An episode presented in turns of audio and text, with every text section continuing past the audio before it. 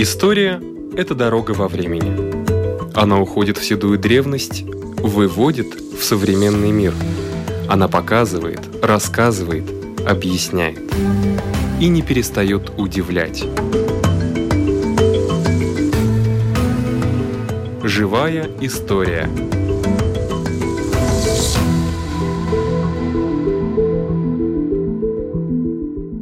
У микрофона Лидия Чера.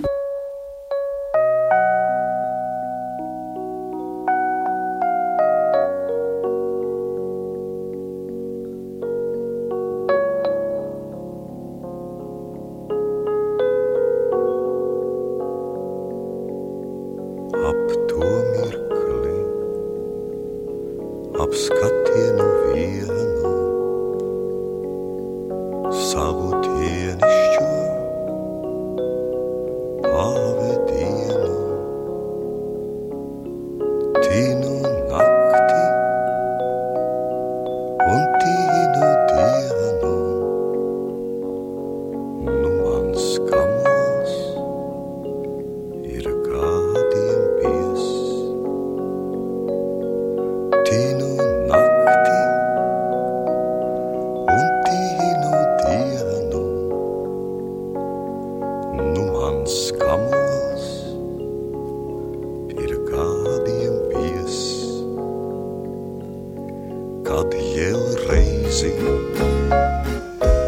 man pietrūks ijas.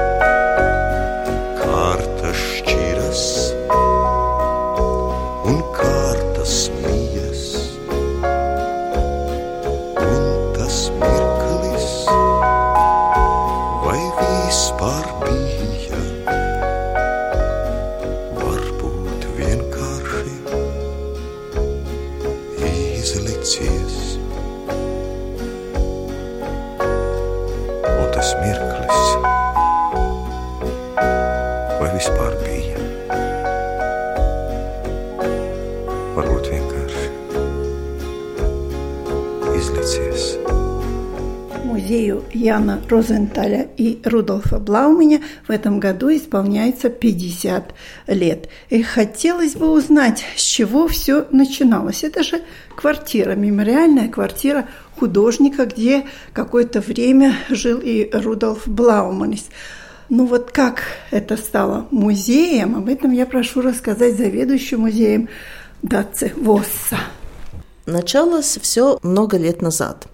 Семья Яниса Розентала жила здесь до 1915 года, когда из-за Первой мировой войны они должны были поехать в Финляндию.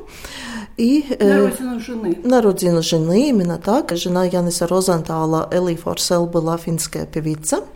Янис Розенталс умер в Финляндии в 1916 году, и его жена с детьми в 1920 году, когда они опять вернулись в Латвию, они жили в другом месте. А в этой квартире, где жил Янис с семьей, были уже другие люди, которые снимали эту квартиру. В 40-е годы ситуация опять поменялась. После Второй мировой войны сын Яниса Розентала, Микелис Розенталс, старался найти возможность вернуться в квартиру, которая была создана специально для его отца, поскольку архитектор Константин Спекшенс проектировал эту квартиру именно для Розентала была идея уже в 40-е годы, что тут может быть музей Яниса Розентала. Но 40-е годы, конечно, послевоенное время, это не было особенно такое благоприятное время для новых музеев и для культуры. И, к сожалению, идея о музее осталась только как идея. Но Микелис Розентал стал жить в этой квартире. Конечно, как в советское время, здесь была коммунальная квартира. Это было невозможно одной семье отдать всю квартиру.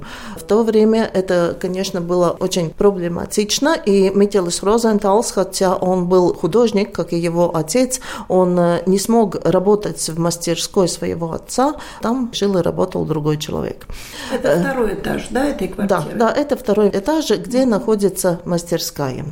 Через некоторое время ситуация опять менялась. 60-е годы было время, когда появилось больше возможностей для развития культуры, больше возможностей в разных видах искусства, в литературе была оттепель. И во всей Латвии были созданы и другие новые музеи. И также здесь, э, в квартире Розентала, ситуация обернулась так, как об этом мечтал Митилис Розентал, сын художника, который, к сожалению, в то время уже не был в живых. Он умер в 1953 году. Но в конце 60-х годов, в 1969 году, был подписан указ о создании музея Яниса Розентала и Рудольфа Блауманиса. И через четыре года в 1973 году для посетителей был открыт музей в одной части квартиры. Сначала этот музей был только в мастерской и в комнате Блауманиса, в другой части квартиры жила семья Розанталов. Конкретно это была семья Микелиса, его жена и дети. И потом постепенно одну за другой и другие помещения были отданы музею. И сейчас во всей исторической квартире Розантала есть музей. То есть дети, внуки здесь не остались, а поразъехались по миру? Поразъехались по Латвии. В основном все э, живет в Латвии, и они нашли для себя свою жизнь, свою работу, свое место жительства. Последняя была дочь Микелиса, младшая дочь Ева Розентала, которая здесь э, жила до своей смерти в 2002 году, а потом уже начиная с 2002 года, и та часть, где она была, была отдана музею. Говорят, что большую роль в создании музея, то есть не даже не в создании музея, а в сохранении каких-то экспонатов сыграла и вдова Розентала Элия. Да, конечно. Элия, к сожалению, жила только до 1943 года, но она сохранила материалы о Розентале, она сохранила, конечно, семейный архив, фотографии, письма. К сожалению, все-таки не все письма. Некоторая часть писем не дошла до наших дней из-за разных причин, но благодаря Элли, благодаря тому, что Элли осознала значимость э, Яниса Розентала в культуре Латвии, у нас есть очень много вещей, которые принадлежали Янису Розенталу, которые принадлежали семье, именно когда они жили здесь, в этой квартире. Если говорить о Рудольфе Блауманисе, то он жил в Риге наездами, и очень по разным адресам. Я однажды делала даже целую программу, там было, я не знаю, несчетное количество адресов. И один из них этот адрес, где он жил у Розенталев. В каком году он жил и какие, может быть, моменты творчества, его творческой биографии связаны с этим местом? Рудольф Блауманс здесь жил очень недолго, с 1906 до 1908 года, и не все время. Он пожил, ему казалось, что комнатка, наверное, все-таки слишком мала для него, переехал в другое место на улице Большая Невас, теперешняя улица Блауманя, потом вернулся обратно, но, конечно, Блауман Романис очень значительная личность в культуре Латвии. И когда в конце 60-х годов была эта идея о том, что все-таки надо здесь основать музей, личности Бламаниса было очень-очень большое значение. Это был очень-очень большой плюс, что это место связано не только с семьей Розентала, но и Бламаниса. И музей был основан как филиал Музея литературы. И очень-очень много благодарностей об этом музее надо сказать Ливия Волкова, которая всю жизнь исследовала творчество и биографию Блауманиса, и она была один из тех людей, которые были у колыбели этого музея, и благодаря Ливии Волкова мы можем сказать, что музей был создан как очень значительный культурный центр Риги того времени и сейчас тоже. Мне удалось брать интервью у Ливии Волковой. Она тоже рассказывала. Очень интересно о Рудolфе Блауманисе. Такое было ощущение, что просто его можно было увидеть, какой он и какой у него темперамент, и какие у него были увлечения, а не только прийти посмотреть на шубу, например. Ну, шуба большая, значит, Рудольф Блауманис был высоким человеком. Да, шуба – это центральный экспонат в квартире Блауманиса сейчас. Медвежья шуба, которая очень и тяжелая, 6 килограмм, и очень хорошая одежда для холодной зимы. Но вообще-то, если говорим о комнате Блауманиса, у нас сейчас идет создание новой экспозиции в этой комнате. Конечно, пока все только в процессе, в работе, пока мы не можем говорить очень точно о том, как будет выглядеть эта комната, но совершенно уверены мы, конечно, что шуба Блауманиса и впредь будет центральный экспонат этой комнаты, но будет и еще много чего другого, много материалов, которые будут рассказывать о Блауманисе как о писателе, о журналисте, о человеке, который занимается театром, о личности. Это сотрудничество с Латвийской академией художеств, и да, мы надеемся, что будет э, очень-очень хороший результат. Скажите, все музеи за 50 лет, ну, наверное, имеют какие-то этапы развития, скажем так. Иногда это связано с поступлением каких-то экспонатов, иногда с изменением какого-то политического строя. Вот здесь есть какие-то такие этапы, о которых можно говорить? Можно выделить отдельные этапы, которые связаны с тем, как музей постепенно получил больше и больше помещений исторической квартиры Розантала. Сначала музей был только мастерская Розантала и комната Блауманиса, и только. И с каждой новой комнатой, которую музей получил для расширения музейной экспозиции, расширялся и рассказ, который мы могли рассказывать о Розантале и Блауманисе. Следующий этап был детская и гостиная. Следующий этап потом был уже спальные комнаты, одна за другой. И каждая комната и каждое помещение пришла с новой информацией. Мы получили первую спальную комнату, и наши реставраторы нашли там роспись на стенах, который создал сам Розантал, и о которой все забыли. И То есть она была под краской? Она была под обоями, а. под многими слоями обои. И и этот процесс вообще-то продолжается. Теперь уже можно говорить, что каждый новый этап в развитии музея связан с комнатами, которые мы реставрируем. Каждая новая реставрация – это такой у нас медленный и постепенный процесс, но каждая новая реставрация и в тех комнатах, которые раньше были получены для музея, и в комнатах, которые были получены для музея только после 2002 года, года в каждой комнате мы находим какую-то новую часть рассказа, новый рассказ о этой квартире и о, и о человеке, который здесь жил. Это очень интересно. То есть у вас идет исследовательская работа, не отходя от места. А удалось восстановить эти рисунки Розенталя на стене? Почти удалось. К сожалению, можно было реставрировать ту часть росписи, которая была под обоями. А ту часть, которая много раз была помыта и побелена, да, там уже остались только некоторые фрагменты, и полностью реставрировать эту часть нельзя. Я даже не могла подумать, что Ян Розенталь для меня, он такой суровый господин, мог так, так сказать, побаловаться и нарисовать что-то на стене. Или тогда это было принято?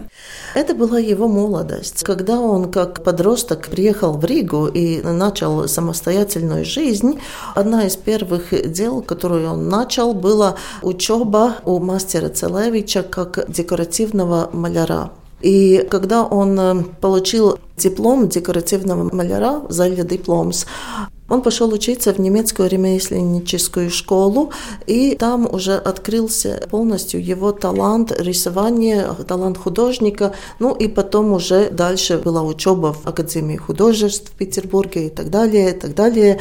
Но, очевидно, когда они зашли в эту квартиру, он пожелал хоть одну комнату сам разукрасить, как вспоминая свои навыки того времени, когда он был очень молод. Но он же пришел сюда уже во взрослом возрасте, в эту квартиру. Да, конечно. Он э, пришел здесь после женитьбы с Элли. А это было не рано. Это было не рано, когда они поженились, ему уже было 36 лет. И Элли 30, и они уже были очень взрослые, серьезные люди, которые всю квартиру благоустроили абсолютно в своем стиле. Розентал сам делал эскизы для мебели. Розентал сам проектировал свою мастерскую с архитектором Бекшаном. Элли тоже заботилась о том, чтобы в доме было уютно. Она занесла такой финский стиль в интерьере с текстилиями, с подушками и так далее, и так далее. Так что это была квартира, которая отличалась от э, таких меньшчанских квартир, которые были вокруг. Это была все-таки квартира художников. Но это югенстиль. Это югенстиль, да, но для Розентала югенстиль был немножко другой. Розентал любил такой рациональный и национально-романтический югенстиль. Для Розентала не был особенно близок тот югенстиль, который в наши дни обычно первым делом бросается в глаза. Этот, контраст. Да, контраст, этот декоративный югенстиль с разными масками, такими орнаментами и так далее. Розентал любил то направление югенстиля, где больше рационализма и народных культурных традиций. Это тоже югенстиль? Конечно.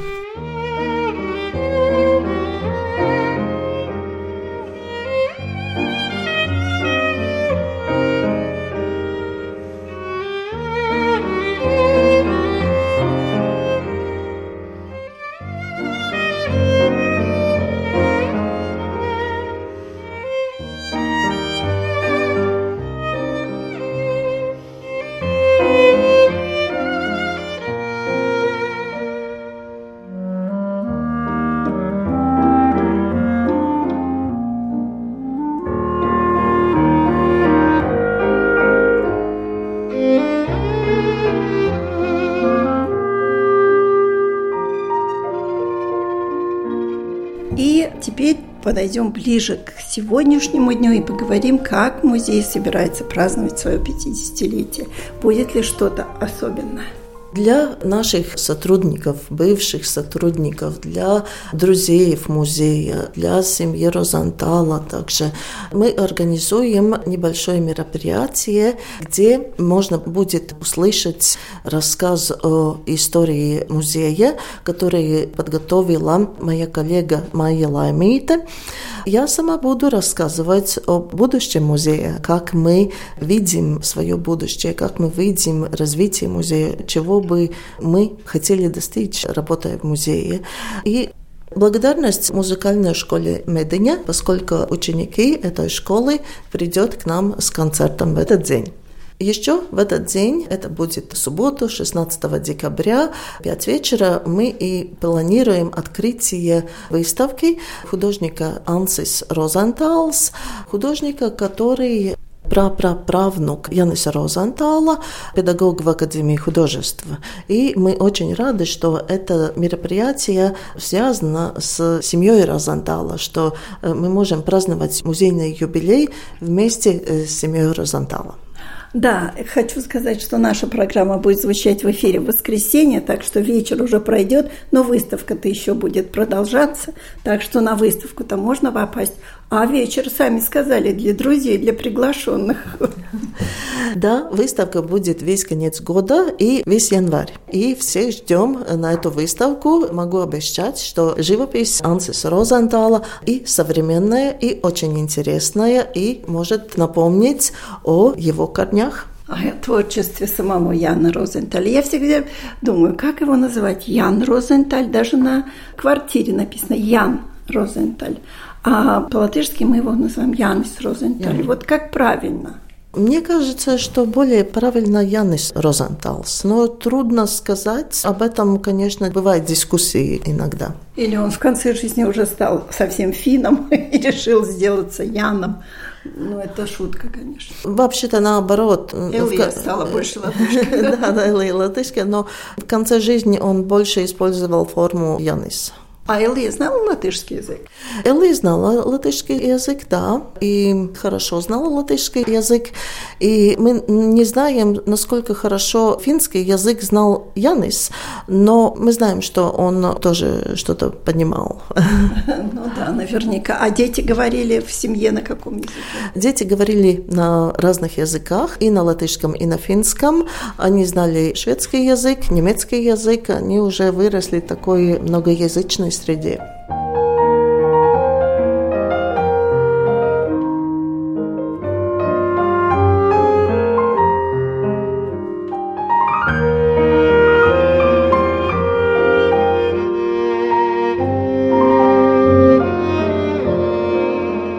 Захотелось все-таки увидеть это то, что он нарисовал то, что восстановлено, это что, спальня или как? Да, это была спальня. Здесь были две спальные комнаты для родителей и там рядом для детей. Детская спальня была, там стены были покрыты обоями, а здесь в родительской комнате была эта роспись, такие деревья с... Ну, лианы, что ли? Нет, как? нет, розы, розы, там можно А, видеть. э, розы, да. да, да. Такие как бы деревья, но они перерастают в таких розовых кустах. Ну, конечно, в периоде югенстиля было много стенной росписи, но обычно эта роспись была сделана с помощью трафарета. А здесь от руки ни один лепесток, ни одна ветка, ни один цветок розы не такой, как другой. Не Э, повторяются. Не повторяется. Да. А цвета такие же были? Да, цвета именно такие. Это часть, которую можно видеть. Это совершенно аутентичная. Реставраторы э, работали очень долго и очень усердно, чтобы показать, что все именно так, как это было.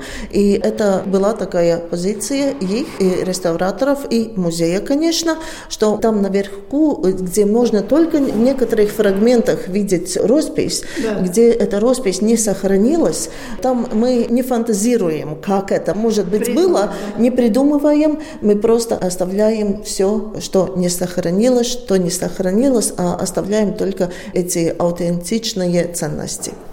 А это что за такое Э, это, интересное? Это зондаж обои. Здесь можно видеть, сколько обои здесь было на стене. Раньше было так, что обои клеили друг на другом. И сегодня обои Снимают. всегда снимаются. А тогда просто клеили друг на другом, и здесь можно видеть, да, пять слой обои. Это, ну, практично весь 20 век.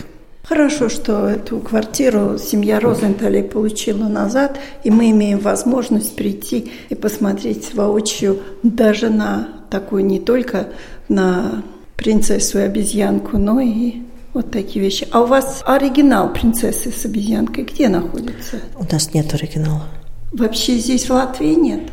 Знаменитая картина «Принцесса и обезьянка» вообще-то не только одна картина. Розентал написал эту картину как минимум четыре раза.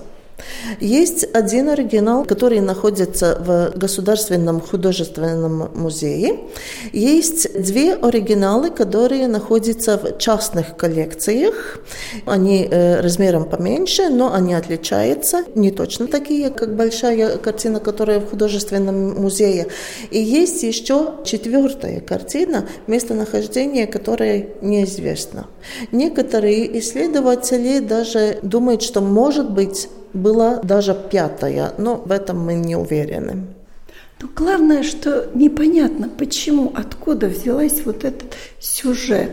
Мне всегда загадкой остается. сюжет- Сюжет этой картины. Есть разные мнения об этом сюжете.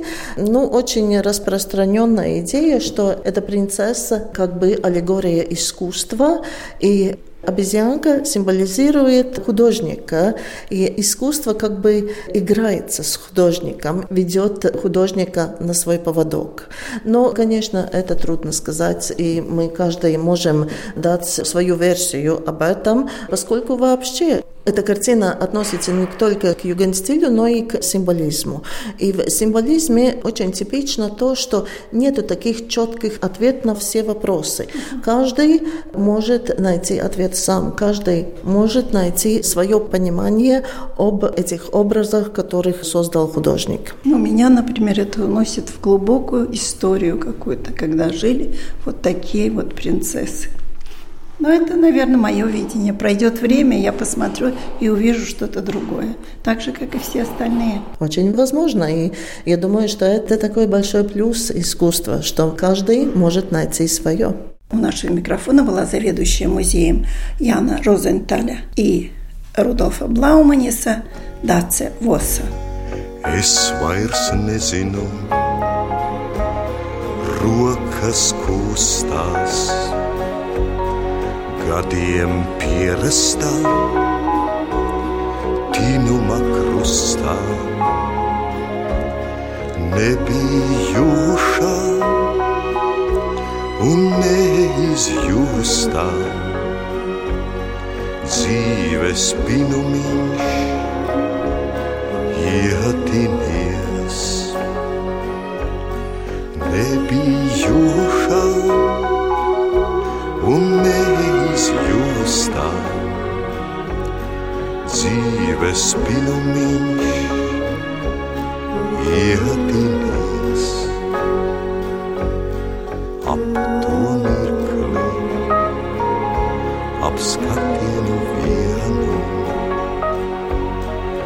sabut je nešťuvam.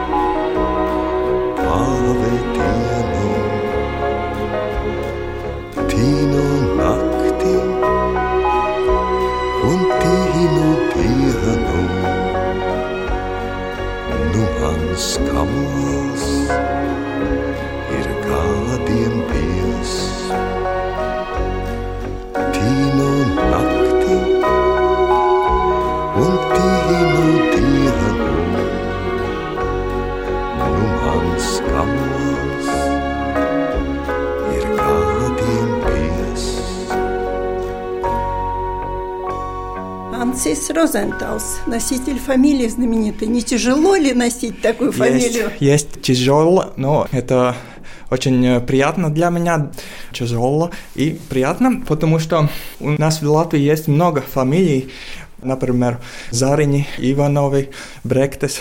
У них тоже такая эм, Судьба. судьба, да, да. Э, У меня сейчас будет здесь такая маленькая, но с большим э, работом выставка. Сейчас надо сделать все сценографию и, и все, чтобы лучше выглядеть. Ну, а про своего прапрапрадедушку имеете представление, какой он был? У меня представление только от э, книги, от э, моей прапрадедушку. Э, Он сказал об э, Янис, но больше я не знаю. Но я, я, Ну, эм, талант-то вы как-то получили? Ну, не знаю, талант это маленькая часть, только эм, больше есть работа. Работать, работать, и тогда будет все хорошо. Так я думаю, и так я чувствую. На этом наша передача заканчивается. Всего вам доброго.